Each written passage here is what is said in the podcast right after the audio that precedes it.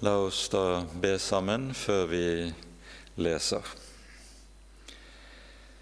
Så takker og lover vi deg, Herre vår Gud, du trofaste Far, at vi på ny skal få lov til å komme sammen for å gå inn i ditt ord. Vi ber deg, Hellige Gud og Far, at du vil sende din Hellige Ånd og veilede oss inn i Ordet slik at ordet blir det sted vi bor, det sted vi lever, og den grunn vi bygger på. Takk, Hellige Gud, at du har gitt oss din egen sønn, og at vi i ham skal eie en fullkommen frelse. Lær oss å regne med Jesus i alle ting, og fri oss, Herre, og frels oss fra alt som vil dra oss bort fra ham, alt som vil hindre oss i å nå målet hjemme hos deg. Herre, vi kaller på deg. Uten deg er vi fortapt. Uten deg er vi hjelpeløse. Herre, kom du og forbarm deg over oss, og gi din Hellige Ånd å gjøre sin gjerning i oss i våre liv og i våre hjerter. Amen.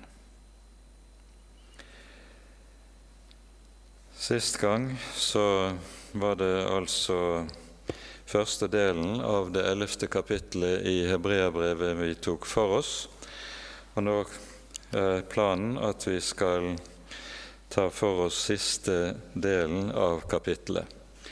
Det er et ganske langt avsnitt, og vi kommer nok ikke til å være i stand til å se på alt i detalj, men en del av de sentrale ting vil vi nå stanse opp for.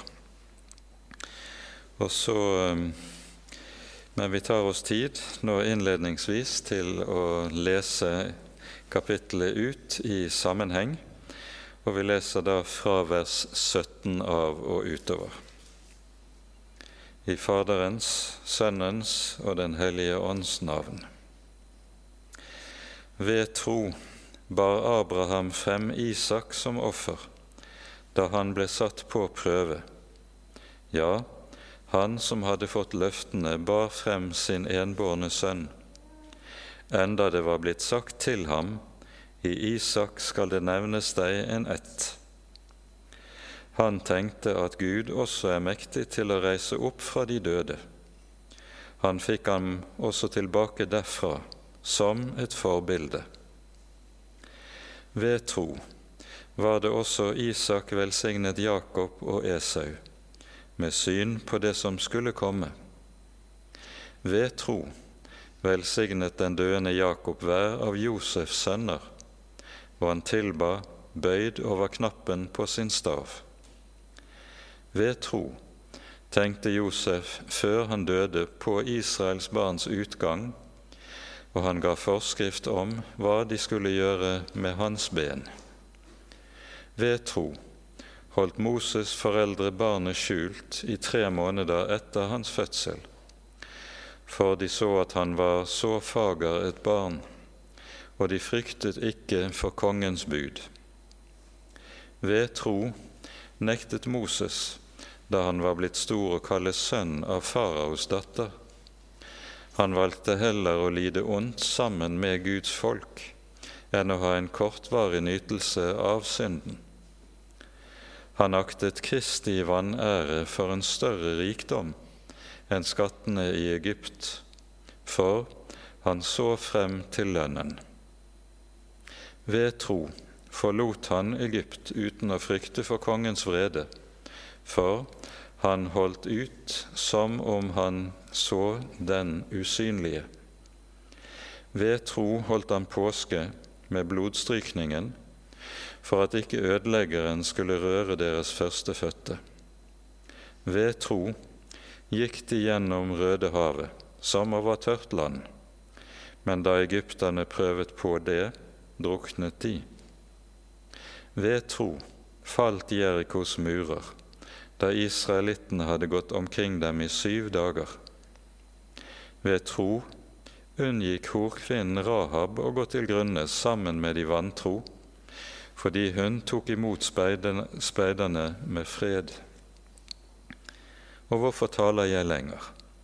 Tiden ville ikke strekke til om jeg skulle fortelle om Gideon, Barak, Samson, Jefta, David og Samuel og profetene. Ved tro seiret de over kongeriker, håndhevet rettferdighet, fikk løfter oppfylt, stoppet gapet på løver, slukket ildens kraft, slapp unna sverdets egg, fikk styrke etter sykdom, ble veldige i krig og fikk fienders hærer til å vike. Kvinner fikk sine døde igjen ved oppstandelse, men andre ble pint til døde uten å ta imot utløsning, for at de kunne få del i en bedre oppstandelse. Andre igjen måtte tåle hån og hudstrykning, ja, lenker og fengsel. De ble steinet, gjennomsaget, fristet. De døde for sverd. De flakket omkring i saueskinn og geiteskinn. De led nød, hadde trengsel, fikk hår medfatt. Verden var dem ikke verd. De streifet omkring i ødemarker og fjelltrakter og holdt til i grotter og jordhuler. Og enda alle disse fikk vitnesbyrd for sin tro, oppnådde de ikke det som var lovt. For Gud hadde på forhånd utsett noe bedre for oss, for at de ikke skulle nå fullendelsen uten oss. Amen.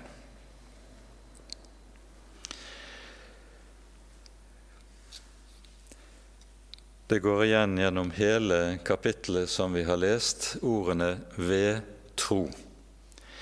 Og poenget er jo det som det nye testamentet ellers understreker med stor styrke, i motsetning til det mange tenker i våre dager, nemlig at de gamle, de som vi hører om i Det gamle testamentet, de ble frelst ved tro, ikke ved gjerninger. Det er mange som tenker om den gamle pakts eh, helter at de ble frelst ved gjerninger, men det er først når Det nye testamentet kommer, at troen også kommer. Men Det nye testamentet er helt entydig i dette at den gamle pakts eh, Guds folk, de ble frelst ved tro, de òg, akkurat som i den nye pakt. Her er det ingen forskjell, fordi Gud er én, Gud er den samme i den gamle og den nye pakt. Eneste forskjellen mellom disse to er at de gamle døde i tro på det som skulle komme. De hadde fått løftene og eh, på ulike måter utfoldet profetene løftene og anskueliggjorde Israels institusjoner hva som lå foran og ventet. De ble frelst ved tro. Og vi ble frelst ved tro på det som er fullbyrdet, det som er fullbrakt. De gamle pakts troende så fremover, vi ser tilbake på det som er fullbrakt. Samtidig er vår tro også håp i det vi også ser fremover, men uh, dette er noe av den hovedforskjell vi har mellom den gamle og nye pakt. Og så hører vi hvordan eksemplene listes opp i teksten vi har hørt. Og vi skal stanse opp for noen av disse eksemplene for å henlede oppmerksomheten på noen sentrale forhold ved det vi hører i Det gamle testamentet. Det første vi leste i vers 17, var ved tro bar Abraham fram Isak som offer da han ble satt på prøve. Dette er jo det vi hører om i eh, Første Moseboks 22. kapittel. Og eh, dette kapittelet innledes med ordene noen tid etter dette satte Gud Abraham på prøve. Og Det er vel verdt å merke seg denne ordlyden, fordi det var nemlig slik at hele Abrahams liv dypest sett var en eneste sammenhengende prøve. Allerede fra han ble kalt Dra bort fra ditt land, fra ditt folk og fra din fars hus til det land jeg vil vise deg. Og så får han løfte om etterkommere.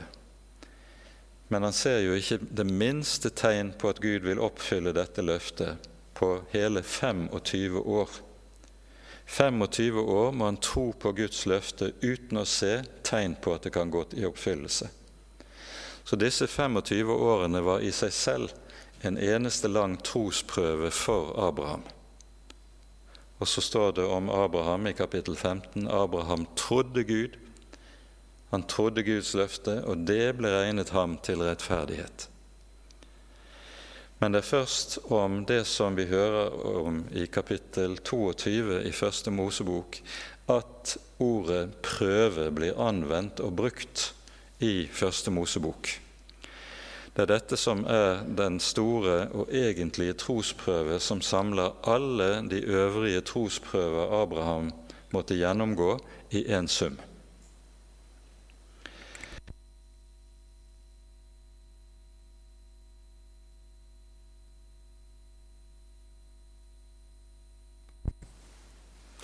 Ofte tenker vi når vi leser beretningen om Isaks ofring, at her er det tale om et lite barn på fire, fem, seks år som eh, eventuelt skal bæres frem som brennoffer. Her lærer både kristen og jødisk tradisjon noe ganske annet. Ifølge jødisk tradisjon var Isak 35 år gammel da Herrens befaling kom om å ofre ham. Og I kristen tradisjon har det vært slik at Isak antagelig i hvert fall var fylt 15-16 år. Eh, dette har vært forståelsen av teksten i, helt fra oldkirken av. Eh, noe som gjenspeiles i den oldkirkelige kunst som man finner i katakombene i Roma bl.a. I den eldste oldkirkelige kunsten i katakombene finner man ikke korssymbolet avmålt.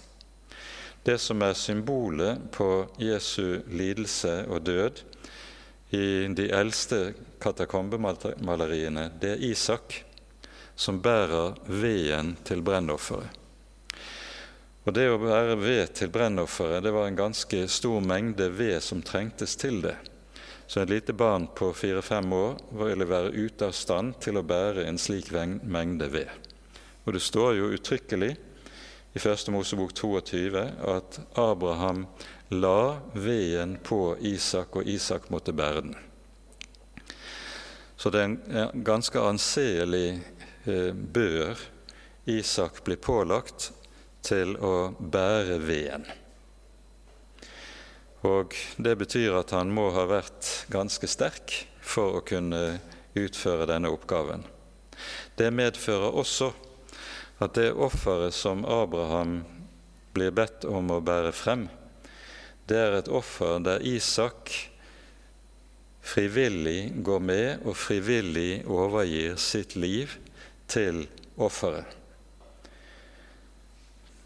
Dette kan være viktig å være oppmerksom på når man leser teksten, for det er ganske mange andre slags tanker ute og går i møte med uh, denne teksten i det vi kan høre i, i våre dager.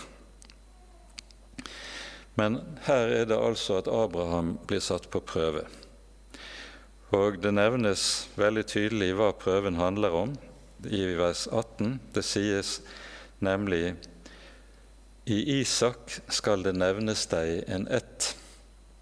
Disse ordene lyder fra Guds egen munn til Abraham i kapittel 21 i Første Mosebok. Og Dermed så ser det ut som det blir en veldig avstand mellom dette Guds løfte, som første gang lød til Abraham da han var 75 år gammel og brøt opp i tro på løftet, Og så fødes Isak, og det sies uttrykkelig fra Guds egen munn i Isak skal det nevnes deg en ett. Og så, på dette, kommer Guds befaling. Bryt opp, dra av sted til et sted jeg vil vise deg, og ofre der din sønn, din enbårne, din elskede Isak. Og det som prøven da dreier seg om, det er jo dette har Gud trukket sitt løfte tilbake? Er den Gud som ga løftet, en sandru-gud, eller er han en som bare leker med sine små som katten med musen? Og det er denne trosprøve og troskamp Abraham har gått igjennom og seiret i. Han har lært sin Herre og sin Gud å kjenne som den trofaste, som den Gud som holder ord, som den Gud som er sandru og sannferdig. Og Derfor er det i tro han går av sted, i tro på at det løftet Gud har gitt, i Isak skal det nevnes deg en ett, det løftet gjelder fortsatt, selv om det ser ut som Herren trekker sitt ord tilbake. I forbindelse med løftet om Isaks fødsel Det hører vi skje når Abraham er 99 år gammel, og Herren kommer til ham, slik vi leser i kapittel 18 og 19 i Første Mosebok. Og de får løfte om at neste år, på hundreårsdagen til Abraham, skal Abraham være far. Det er umulig menneskelig talt. De menneskelige forutsetninger, de fysiske forutsetninger for at dette kan gå i oppfyllelse, foreligger rett og slett ikke. Og I denne sammenheng er det at Gud sier til Abraham, det første gang det lyder i Skriften, ingenting er umulig for Gud. Og så ser Abraham og Sara året etterpå at Gud oppfyller hva han har sagt, selv om det menneskelig talt er umulig. Og det er dette ordet som også må ha båret Abraham igjennom når han ble utsatt for denne prøve.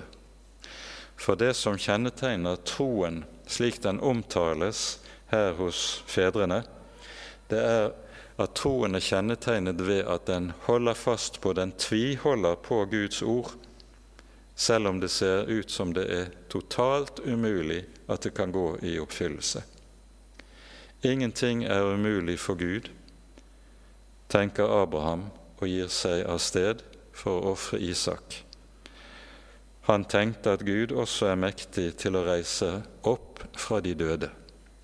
Og han fikk også Isak tilbake derfra, like som ved et forbilde, leste vi i teksten.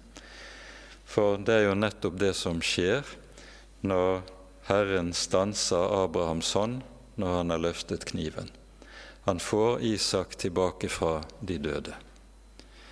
Og det som prøven altså handlet om, var dette grunnleggende. Holder Abraham fast på Herrens ord og løfte, selv om det nå også skal se ut som han trekker tilbake alt han har sagt. Og Derfor står det 'ved tro'. Og slik blir Abraham et forbilde på hva tro vil si for alle generasjoner. Så hører vi om de neste. Ved tro var, Isak, var det Isak velsignet Jakob og Esau og ved tro velsignet den døende Jakob hver av Josefs sønner. Og Når det gjelder disse velsignelsene som lyder først over Jakob og Esau, senere over Josefs sønner Manasseh og Efraim, i kapittel 48, så er disse velsignelsene ved siden av at de er velsignelse, så er det profetier som går i oppfyllelse i, når Israel innta det lovede land og få del i landet som var lovet. Ved tro tenkte Josef før han døde på Israels barns utgang og ga forskrift om hva de skulle gjøre med hans ben. Og Utgangen som det taler om her, det er at Isak, Jakob og Josef de har alle sammen hørt Herrens ord som er gitt til Abraham. Og Herren hadde jo sagt uttrykkelig til Abraham, det hører vi i kapittel 15 i Første Mosebok, at hans etterslekt skulle bo som fremmede og treller i et fremmed land i 400 år. Deretter skulle Herren føre dem ut derfra og tilbake og gi dem landet, Kanans land, til arv og til eiendom. Det er i tro på disse Herrens løfter at Josef sier til sine samtidige, til sine brødre, når jeg nå dør, så skal dere sørge for at kisten med mine ben, den blir tatt med dere til det lovede land når Herren oppfyller sitt gode ord. Og så skal dere stede meg til hvile i jorden, i Kanaans land. Dette hører vi så at Israel gjør i forbindelse med utgangen av Egypt. I slutten av kapittel 13 i andre Mosebok sies det at de folket tar med seg Josefs ben når de bryter opp for å dra ut av Egypt. Og i det siste kapitlet i Josfa-boken fortelles det hvorledes Josefs ben begraves på Josvas, dvs. Si Efraims landområde. For Efraim var jo Josefs sønn som arvet velsignelsen. Så det er i tro på dette Herrens løfte at Josef sier dette. Egyptens land skulle ikke bli deres hvilested, der de slo seg til. Og så kommer beretningen om Moses fra vers 23.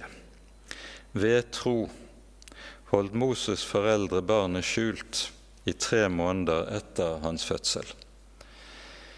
Her er det jo slik som vi leser i Moseboks, nei, unnskyld, annen Moseboks første kapittel, at ettersom Israels folk vokser til i landet Gosen, så skjer det også at det kommer et nytt dynasti i Egypt, en ny farao, sies det, som ikke kjente Josef. Og de frykter for Israel. Og for å begrense folket og folkets tilvekst, så gir farao befaling om at alle guttebarn skal tas av dage så snart de fødes. Moses' foreldre holder seg til Guds ord ved tro, og handler da i strid med faraos befaling. I dette er det også et forbilde på hvorledes Guds folk skal handle i strid med hva øvrigheten befaler, dersom øvrigheten befaler noe som er i strid med Guds ord og vilje. Troen kommer til uttrykk nettopp i ulydighet mot øvrigheten der det blir nødvendig. Og Dette er blitt noe av en aktualitet på ny i våre dager og i vår egen kulturkrets uten at vi behøver å si mye om dette i denne sammenheng.